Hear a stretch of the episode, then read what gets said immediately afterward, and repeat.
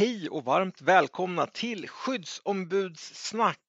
Årets andra avsnitt med mig Mattias Gustafsson och Christer Hansson som tillsammans, eller var och en för sig, är Arbetsförmedlingens huvudskyddsombud. Du och jag Christer, vi har den här lilla podden som eh, terapi kan man väl nästan säga. Ja, verkligen. Jag brukar säga det lite mer fria forumet, det mer enkla språket och kanske mer lite improviserat också, inte så styrt. Vi, vi, kretsar, alltså, vi kretsar kring några ämnen och ser vart vi landar någonstans. Ja men precis, alltid lika spännande. Jag tror att vi inleder varje gång med att säga, prata om just det. Men det är väl just det, det, det, det slog mig lite grann igår när jag drog ett sms till dig i, i, igår kväll. Ska vi inte dra en podd? Då blir det mer som terapi därför att då har jag bearbetat saker i mitt huvud och så tänker jag det här vill jag prata om för det här är inte jag nöjd med eller det här kan man inte göra så här eller så vidare. Så vidare. Eh, och så är inte du sen att haka på utan finns där alltid. Eh, och, och så tvärtom så gör ju du likadant. Det här skulle vi nog kunna dra en podd om. Ja, det, det, det är, spännande. Det är sånt som du och jag i vardagen utan att liksom tänka på det fångar in ämnen som vi inte gör någonting i stunden. Men sen verkar det som att det får lite luft under de vingarna och då väljer ju någon av oss att initiera en podd eller ett snack kring det. Du, idag ska vi prata om dåligt ledarskap eller eh, ledarskap som inte fungerar eller chefer som inte levererar eller chefer som är dåliga eller ja, vad, vad man nu än vill kalla det. Men när chefen inte är chef, skulle man kunna säga så? Ja, men jag tänkte så här, när du hörde av dig igår om ämnet, för det har ju bäring på någonting som du och jag har haft med oss nu den närmaste veckan så att säga. Det, det är så att vi liksom fångar upp grejer då. Och det jag tänker på, vi har ju poddat om ledarskapet med fokus på ledarskap, bra och mindre bra ledarskap och sådana saker det jag tänkte igår när du hörde av dig, det var ju liksom det perspektivet att som skyddsombud eller medarbetare möta en chef som man inte riktigt lirar med. Och jag skulle vilja ta bort den här värderingen då, dålig chef eller dysfunktionell chef. Utan... Det ante mig att du ville ta bort dålig ordet, så jag försökte släta över där i inledningen. Ja, men precis. Det, därför att det, det, där är subjektivt. Min upplevelse av vad jag möter är ju subjektivt. Sen finns det en objektivitet i det här. Det finns, man kan ju mäta chefskapet och ledarskapet om det är bra eller dåligt, den här värderingen. Men då måste man ju också göra det på sakliga grunder. Och jag tycker inte att det är sakliga grunder när, när det är min upplevelse vad jag möter. Däremot så, jag själv, när jag säger jag så menar jag verkligen jag. Jag har ju mött chefer som har varit en utmaning för mig. Det är inte samma sak som att det har varit dåliga chefer eller att de inte har gjort vad de skulle. Det är bara att de har liksom stått i vägen för mig och mina mål och syften och då har jag upplevt det som problematiskt. Då. Ibland har det ju då rent, rent objektivt varit en chef som inte riktigt har gjort det de ska enligt eh, rollen andra gången är det mig det har legat hos att, att, min vilja är någonting annat än vad jag faktiskt kan få igenom. Så att det här är lite problematiskt att förhålla sig till värderingsmässigt, men du och jag fångar ju ändå upp det här. Vad gör, vad gör man som skyddsombud? Vad gör man som medarbetare? Om man ändå upplever att det, det är lite tufft i dialogen med chefen eller det är utmanande eller något sånt där. Man, man får en dålig känsla av sin relation med chefen. Mm. Du, jag tänkte kasta fram lite påståenden till dig Eh, och så kan vi väl resonera om de påståenden. Mm. Eh, om, vi, om jag börjar så här, om en chef tittar medarbetarna i ögonen och ger dem ärlig feedback mm. eh, eller kommer med besked eller information som påverkar medarbetaren som de inte uppskattar och det, det är svårt. Och så tar man fram ett omslagspapper och lindar in det här i massa saker. Mm. Skulle du uppskatta det eller skulle du uppskatta den här raka liksom, jag har ett budskap, det här är budskapet. Mm. Rak, tydlig, konkret. Liksom. Så feedback är ju, det ska man ju se som en gåva så det ska i och för sig vara inslaget. Men det man menar med det att feedback ska vara en gåva, det är ju att jag som mottagare har sagt ja tack, jag vill ha feedback för man ska aldrig feedbacka någon som inte har bett om det. Eh, sen är det ett dilemma, en chef behöver ju tala om för en medarbetare hur den ligger till eller om den har gjort något bra eller om den har gjort något dåligt eller så. Men i grund och botten ska man ju aldrig lämna feedback om den andra inte är beredd att ta emot det. Och det är väl det som är gåvan. Sen det här att, att eh, linda in det, jag förstår vad du menar. Nej, rak och ärlig feedback, har jag sagt ja, om du Mattias efter en veckas arbete tillsammans med mig på fredagen säger du Christer, det är någonting jag skulle vilja ta upp med dig så här, hur den här veckan har varit. Är du, är du mottaglig? Vill du? Och jag säger ja till det det är liksom grunden. Och så, men då måste jag vara beredd på att jag får din ärliga eh, feedback sen då. Vad det nu månne vara om oavsett om den är positiv eller negativ så har ju vi en överenskommelse om att du ska få feedbacka mig.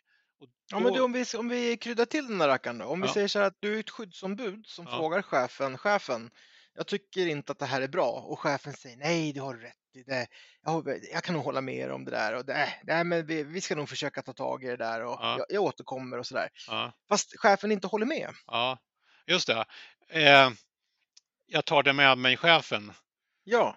Den här chefen som har en jättetjock, har man ju inte längre, man skriver ju inte längre med papper och penna, men billigt alltså, har någon stor perm eller skrivblock. Jag skriver upp det och tar, med, tar det med mig, sen kommer den aldrig mer tillbaka. Nej, så det måste ju finnas en öppen och ärlig relation och en ärlighet även där. Om jag tar upp någonting som skyddsombud med chefen, då vill jag veta om det blir omhändertaget eller inte. Och det, och det kanske ligger hos mig också, liksom det här, och när, när följer vi upp det här, hur ska det gå till?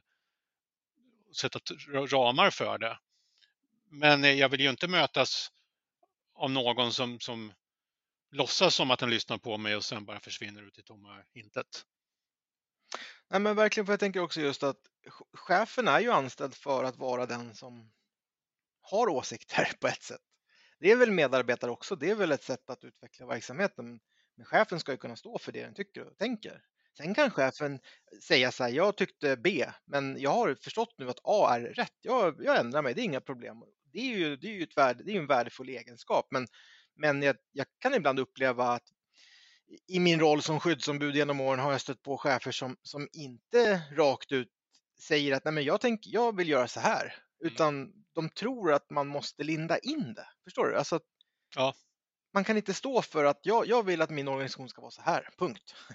Eh, och, så, och så är det för mig då, jag kan ju tycka att det är bra eller dåligt, men, men i min roll som skyddsombud så har jag inte så mycket att säga till om det på det sättet. Men jag, jag, jag förväntar mig av en chef att den agerar i arbetsordningen och rollbeskrivningen. Det är ju alltid förutsättningen när jag tar en dialog med chefen. När jag som förtroendevald tar en dialog med chefen, då är det grundvillkoren. Det, det är där min dialog utgår ifrån. De svaren jag får tillbaka om jag nu ställer en fråga eller kommer med ett påstående eller vi gör något samarbete, då, då utgår jag från att chefen agerar då i, i, i uppdragsbeskrivningen Eh, och, och, den rollen har fått och det ansvar som ligger i det. Det, det är när, när en chef, för mig när en chef går utanför de ramarna som det blir tokigt och det börjar skava och det blir knepigt. När det, när det inte är förutsägbart längre utifrån från de, den överenskommelsen, arbetsordningen och rollbeskrivningen. Verkligen. Du, nästa påstående. Det sämsta en chef kan göra är att sätta plåster, alltså att, att eh, hela tiden lösa problem. Mm. Eh, och i kombination med att man som chef upplever att man har en hög arbetsbelastning och skyller på stress. Mm. Men att man som chef aldrig liksom kommer till rotorsaken med problemen. Mm. Utan man mm. springer bara runt och har du för mycket att göra, då tar jag bort lite ärenden och så går jag vidare till nästa, tar bort lite ärenden och så får någon annan lite mer ärenden och så mm. går det runt där en cirkel. Mm. Ja, men det, då, precis. En, en, av, en, en av arbetsuppgifterna som en chef har, det är, det är det klassiska leda och fördela. Och det är också en sån här sägning som du skulle kunna podda om, bara den, leda och fördela. För jag skulle vilja dela på det, vad är leda och vad är fördela?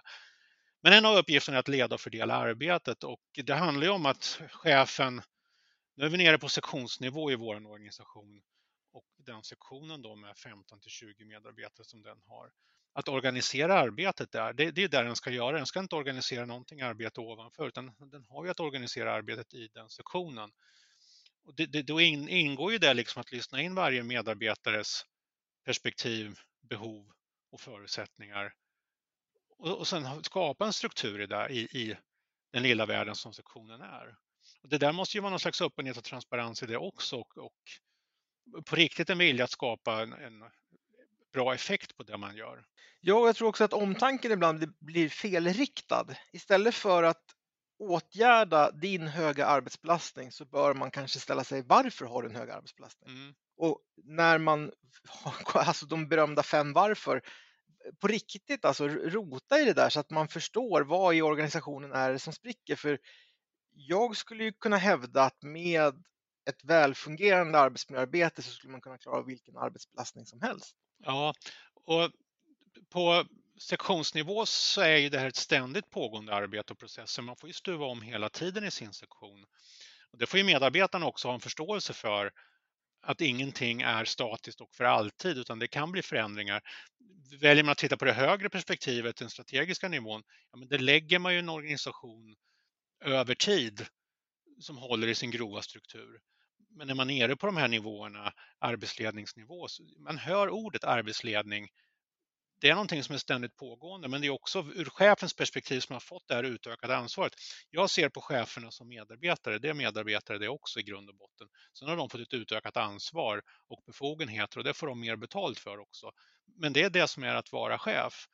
Eh, men det ligger ju det uppdraget att, att vara den här som tar den här hänsynen till den delen som den har, alltså i det här fallet en sektion med, med de här medarbetarna som ingår i det. Du, ordet sticka ut hakan, kan, vad, alltså det är ju någon, då ska man ju säga någonting radikalt i princip. Men mm. alltså att sticka ut hakan är att sticka ut hakan. Alltså sticker man fram den då eller? Vad, är, är, det, är det oförskämt att sticka fram hakan? Nej, men om du sticker ut hakan Mattias, då, då, då, då riskerar du, du att få en smäll på käften. Det är det som att sticka ut hakan. Och risken att få en smäll på käften, det, det är ju liksom för att du säger någonting som retar eller provocerar eller som, som avviker från normen ja. då, då sticker man ut hakan. Ja, men du, då ska jag sticka ut hakan nu. Ja. Människans starkaste drivkraft, enligt mig, är behovet att vara en del av en flock eller grupp och vara omtyckt i den gruppen. Håller du med om det? Ja, jag tycker inte att det var så provocerande. För det, det är en, en, ett av de viktigaste mänskliga behoven, att vara en del i sammanhanget. Du, och då sätter vi in perspektivet ledningsgrupp. Mm. Du som chef är en del utav en ledningsgrupp. Vad händer då om du ska vara omtyckt och vara en del utav flockengruppen? Jo, du kommer säga ja till allt. Mm. Är det då en effektiv ledningsgrupp? Ja, nej, men jättespännande. Uh, så, så, är det ju. Vi vill ju gärna smälta in och, och hålla oss inom ramarna, de givna ramarna. Och det är klart att ramarna kan ju se olika ut, men de ramarna som finns, antingen synliga eller osynliga, de vill vi hålla oss inom för att just det här som du säger, vara en del av gruppen, en del av flocken och inte vara den som står utanför. Och det där har jag sett under åren att det, det, finns ju experiment på det också. När en grupp ska ta beslut så tar man ett konsensusbeslut och så kanske det är på, på bekostnad av gruppens överlevnad. Det fanns en person i den här gruppen som sa, nej men vi ska göra så här istället eller vi ska gå åt det här hållet. Ingen lyssnade på den och den orkade inte stå på sig, men det var det som egentligen hade varit det riktiga beslutet. Och det där kan man se i ledningsgrupper också, att ledningsgrupper tar inte de klokaste besluten alltid. Därför att det blir konsensus och man vill hålla sig inom ramarna och det kanske finns en stark eller några starka röster som sätter agendan av de här ramarna. Och I den här ledningsgruppen kan det då finnas chefer som har en annan uppfattning, en annan åsikt, men den är rätt så ensam om det och då kommer den aldrig till tals och man tar aldrig den riktningen som kanske är den rätta riktningen. Nej, för jag skulle då vilja, precis, jag skulle ändå vilja liksom stanna kvar just vid det här mänskliga. Att att vara en del av gruppen och vara uppskattad, det tror jag är en starkare drivkraft än att våga vara ärlig. Ja. Eller inte våga vara ärlig, utan att, att, att vara den man är, att, att säga det man tycker. Ja. Jag tror att man hellre är tyst än att räcka upp handen och, och inte på något sätt sådär sågar de andra utan bara, nej men jag håller inte med eller jag tycker det här blir fel eller så. Utan, eh, och den här delen tror jag är, är liksom livsfarlig, att, att välja att ha chefer som, som stannar i en flock. Och, och jag tror inte heller, ibland kan vi få höra så här att ja, men den chefen om, om den chefen vill bara befinna sig med ja-sägare. Mm. Ja, fast de där ja-sägarna har ju ett ansvar. Ja. Eh, och du brukar alltid gräva i det här rädslan för att man är rädd mm. för någonting. Vad händer om man säger emot? Ja. Oftast finns det inte så mycket bakom det när man väl gräver i det där. Nej, det, det är nästa steg på ditt resonemang. Om jag avviker från gruppen och gruppens eh, åsikter och har en egen åsikt, det ska mycket mod till för att göra det faktiskt. Uh, och mod bygger ju på att man vågar gå emot en rädsla, men det finns alltid en rädsla i bakgrunden, annars kan det inte finnas något mod. Man, man, är lite rädd, men man, men man, är modig att stå emot det där. Men det, rädslor hämmar oss. Eh, rädslorna är ju många gånger hjärnspöken. Eh, eh, ibland, så är de, ibland är de relevanta de här rädslorna. Att, att, om jag gör eller säger det här, då kommer det här att hända. Ja, det kan nog vara så att det har hänt och blivit så. Men många gånger så är det mer en fantasi om att om jag gör eller säger det här, då kommer det här dåliga eller onda att hända mig. Så blir man hämmad av det. Du, sista, sista jag har på min lilla lista här framför mig på, som jag skrivit på en datoriserad post-it-lapp. Eh, att att få en chef att att erkänna eller att agera, att de, eller erkänna att de har svårt att agera eller att agera. Eh, istället, eh, istället för att vi hör de här sakerna som till exempel, nej men eh, vi saknar fakta, vi måste vänta in myndighetens beslut eller nej, det är mycket just nu så vi kan inte göra en förändring eller eh, nej, vi, vi vet för lite eller vad det än kan vara. Mm. De här ursäkterna till att inte agera på någonting som vi skyddsombud kanske tycker att här måste vi göra på en gång. Där skulle man ju kunna ändå liksom sådär för det där, det där har jag också stött på, liksom, att, inte, att inte röra på arslet. Liksom. Nej, men jag, jag, önskar att varenda chef någon gång ibland tittar på arbetsordningen och rollbeskrivningen oavsett vilken nivå man är på. Eh, för att påminna sig om dels varför, vad var det som gjorde att jag tog det här uppdraget? Det måste vara arbetsordningen och rollbeskrivningen. Det kan inte vara någonting annat. Det kan inte finnas några andra drivkrafter. Det får inte vara drivkraften jag tycker om att bestämma eller jag tycker att jag är duktig på att bestämma. Den drivkraften är fel för att vara chef. Utan man, man tar uppdraget därför man tycker att rollbeskrivningen och arbetsordningen är tilltalande och man tycker att jag har kapacitet och kompetens att leva upp till det här. Jag vill vara med och bidra i de här delarna. Och gör, och gör man det då, då, kommer det per automatik att man lever i myndighetens beslut och det som går i linjen och det som ska utföras på respektive nivåer. När du och jag pratar så är vi är ju väldigt mycket nere på sektionsnivå, den arbetsledande nivån. Det är där chef möter medarbetare. Det, det är där arbetsmiljöeffekterna uppstår av att det finns chefer och medarbetare som ska samarbeta och utföra någonting tillsammans. Precis. Och för, för, man, man, I slutändan så kan man ju säga så här att en, en chef som säger att nej, men vi, vi måste invänta saker eller vi saknar fakta eller vi måste vänta på myndighetsbeslut eller riktlinjer eller vad det kan vara. Den personen gör ju där och då ett, tar ju de facto ett beslut att inte agera. Mm. Nej, vi ska inte göra någonting. Mm. Eh, och då kan man ju ifrågasätta, eller då kan man ju fråga sig, är det det som liksom alltid är eller roll, att ha en chef, det är ju att ha någon som leder och fördelar på sektionschefsnivå eh, arbetet för de här 15-20 medarbetarna för att saker och ting ska hända. Men, men det scenariot som du bygger upp, alltså om, om det är en chef som, som hela tiden sitter på händerna och väntar på besked uppifrån. Står det så i rollbeskrivningen och, och arbetsfördelningen och, och ordningarna, ja, då är det väl okej okay. om det står uttryckligen du ska sitta på händerna och vänta på besked uppifrån. Ja, men då är man ju lojal mot det. Men om man inte, om, om man inte hittar de texterna, om det står någonting annat, du ska ta ansvar för, du ska och så vidare. Det är det jag vill att man tittar på de här dokumenten igen och funderar på sin egen roll. Vad är det jag har för mandat? Vad är det jag tänkt att utföra? Varför tog jag det här uppdraget? Att rekrytera både medarbetare och chefer är ju på ett sätt en, en lite grann att köpa grisen i säcken. Det finns rigorösa system för att se till att både medarbetare och chefer passar in i mallen, att det passar in i kompetensprofilen, att de har klarat av personlighetstester och ditten och datten och att de har en liksom, eh, akademisk bakgrund eh, som, som ska passa in. Men när man väl har det på plats så är det allt som oftast det mänskliga som, som träder fram på den vänster. Jag kan, eh, ett sidospår är att jag kan alltid slås av att läkare, det är högst betyg som, som liksom, det är de som vinner kampen om att få bli läkare, men de kanske är sämst människokännare. Ja, men det är ju alltid så när människor möts så är det alltid människor som möts oavsett i vilken situation och det är de grundläggande mekanismerna som styr och råder då. Det är jättesvårt att uppnå ett nirvana rent arbetsledningsmässigt sett, arbetstagarmässigt sett, kollegialt sett. Alltså de här drömscenarierna hur man ska vara som kollega, hur man ska vara som chef, hur, hur samverkan ska vara. Utan alltid när människor möts så är det de mänskliga behoven som du var inne på och gruppdynamiken och gruppmekanismerna som får råda oavsett vad man har bestämt för arbetsordningar och rollbeskrivningar och alltså you name it. Om jag kör sticka ut hakan nummer två så skulle jag vilja hävda att en tredjedel eh, av dåliga chefer, där är det kört. Liksom. Där går det inte att göra någonting åt. De bara, de bara är så dåliga.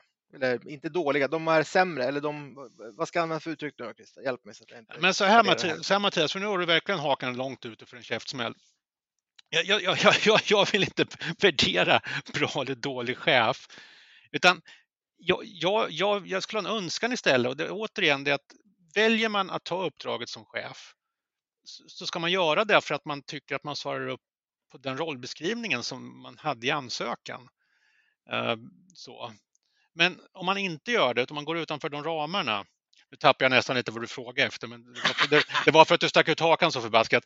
Men, men om, man, om, man, möter en chef som, som ligger utanför ramarna, som gör andra saker än det som det är tänkt att den ska göra, och jag vet inte om det är en tredjedel eller inte, men, men vi måste ju fejsa det på samma sätt som det finns ett gäng dåliga skyddsombud, det finns dåliga medarbetare, ett gäng som, som går sina egna vägar. Ja, men du, vi, absolut, men nu, absolut, men vi, vi håller med dig. Men jag tänker att om vi har fokuset på chefer, det, kommer alltid, det finns alltid dåliga människor, det finns alltid dåliga medarbetare, finns alltid, men om fokuset på chef, för om jag, om jag fortsätter resonemanget då, så får vi se om du kan stötta mig, eller stötta, hjälpa mig i vad ett annat ord för dålig.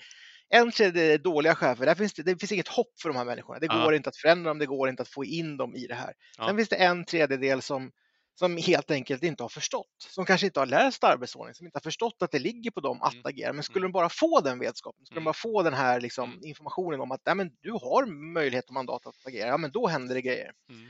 Och sen den, den sista tredjedelen, det är chefer som, som um, vill mm. och vågar och kan, men blir hämmade av sin överordnad chef. Mm. Ja, men, okay. Tillvaron är uppdelad i, i tre delar de som vill och kan och är duktiga, de, de måste vi liksom identifiera, våga lyfta fram och stå upp för. De här, de här cheferna, det här är de som har förstått uppdraget, gör det väldigt bra. Det är gynnsamt för verksamheten, medarbetarna och arbetsmiljön.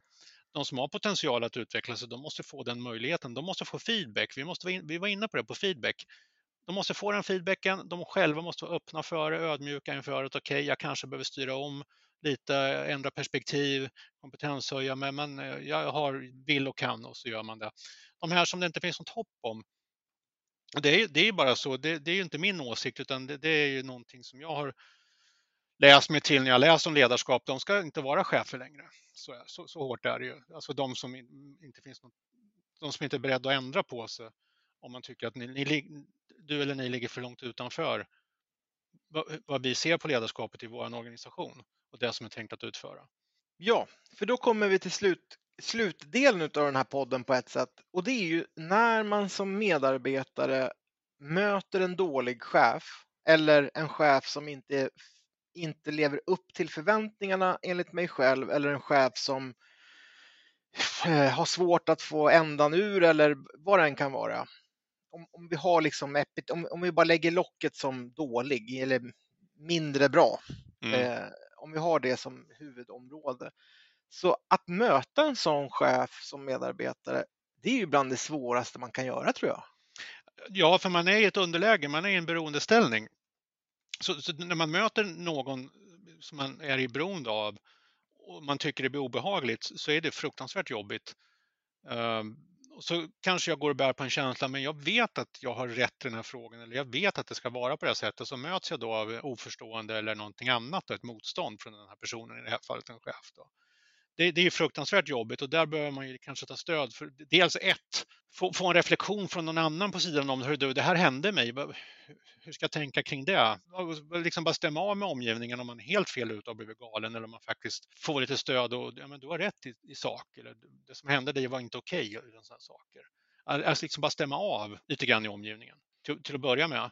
Och sen, sen söka stöd någonstans. Om man, om man, ja, men det här skulle inte ha hänt mig. Det här, det var inte okej okay att, att det här hände mig, att jag blev bemött på det här sättet. Precis, förhoppningsvis så, har, så finns det också eh, fackliga företrädare och, och skyddsombud. Men jag tänker också, du och jag som är skyddsombud och som har ett skyddsombudssnackspodd, möter man det här som skyddsombud, då krävs det enormt mod, tror jag. Ja. Mm. Att som skyddsombud agera, hantera, vara i det här. Därför att precis som du säger så hur vi än vänder och vrider på det, hur vi än väl vill tillämpa lagstiftningen och hur duktiga vi än tycker oss liksom ha koll på saker och ting så är vi, tror jag, undermedvetet i, i ett läge där, där såklart chefen är den som har eh, fått mandat att sätta min lön, att, att eh, styra min karriär och så vidare och så vidare. Och det tror inte det är ju där och då blir det ju ännu mer komplicerat. Då blir det ännu svårare att liksom våga ha det här modet att, att påtala för chefen, men du, ska vi inte sätta oss ner och läsa arbetsordningen tillsammans? Eller du, ska vi inte ta en dialog om ditt ledarskap, hur vi kan liksom få det att bli ännu bättre? Eller vad är det som gör chefen att du inte agerar fast du vet att du kanske borde? Mm. Jag, jag, tycker alltid att man, i, det finns väl undantagsfall där man kan driva sin egen process, men jag tycker väl i grund och botten man alltid ska ta stöd. Det är därför att dels få någon slags egen korrigering är min uppfattning. Eller ska jag själv backa lite först men stå kvar vid mycket av det jag tycker. Alltså det, just det här att få den egna korrigeringen. Jag gick på pumpen med chefen. Vad, vad tycker du om det här? Antingen får jag liksom bekräftelse på nej men det du gjorde Christer, det var rätt, eller också säger någon ja det där du gjorde var bra, men det där kanske du inte ska stå på det. Så man får någon slags egen korrigering. Men det som finns kvar i att ha en uppfattning då mot den här chefen som tycker annorlunda. Där tycker jag man ska söka stöd först så att man får lite mer perspektiv in i de här processerna. Och det är väl klart att chefen också ska söka stöd i det så att det inte blir så.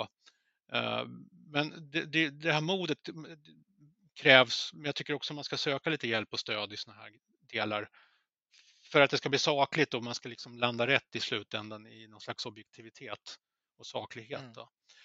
Sen tänk, om man får önska någonting. Vi, vi har ju en, en, en HR-avdelning på myndigheten och eh, HR-avdelningen är ju chefens stöd. Och jag skulle ju vilja då om, om chefen hamnar i sådana situationer att en förtroendevald är chefen emot och det blir någon slags kontrovers eller tvist eller någonting. När chefen tar stöd av HR, då är ju min önskedröm varenda dag att HR är objektiva och rättvisa och inte nu säger jag ju inte att det är så att, att HR bara går på chefens linje oavsett.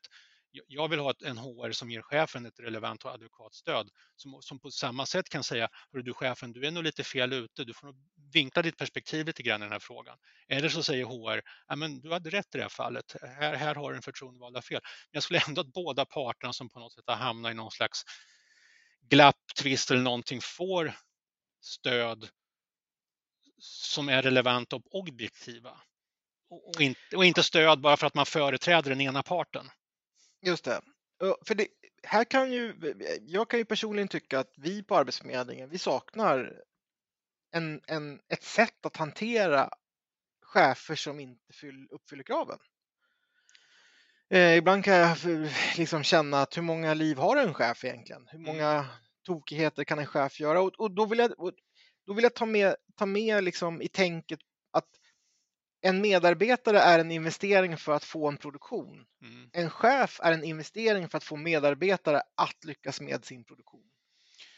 Ja. Och får man inte chefen, den här eh, liksom ledaren utav sin grupp att fungera, då, har man ju, då riskerar man ju att tappa sin investering på 20 till 15 medarbetare helt och hållet.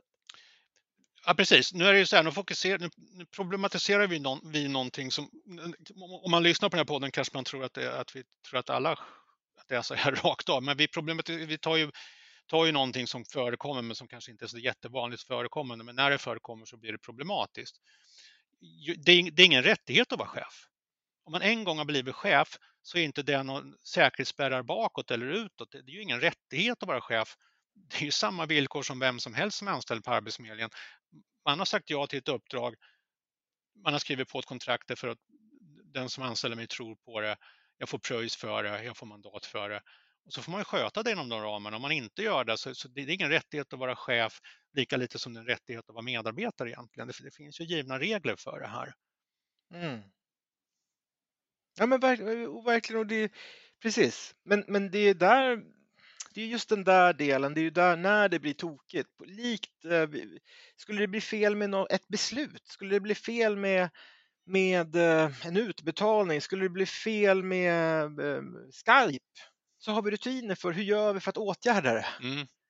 Men vi har inte rutiner för hur vi ska göra när vi ska hantera dåliga människor, eller dåliga, nu ska jag, jag kan hålla med om att dåliga är inte bra, för de är, det är inte dåliga människor. Men eh, människor som inte lever upp till de förväntningar som finns i sin roll, mm.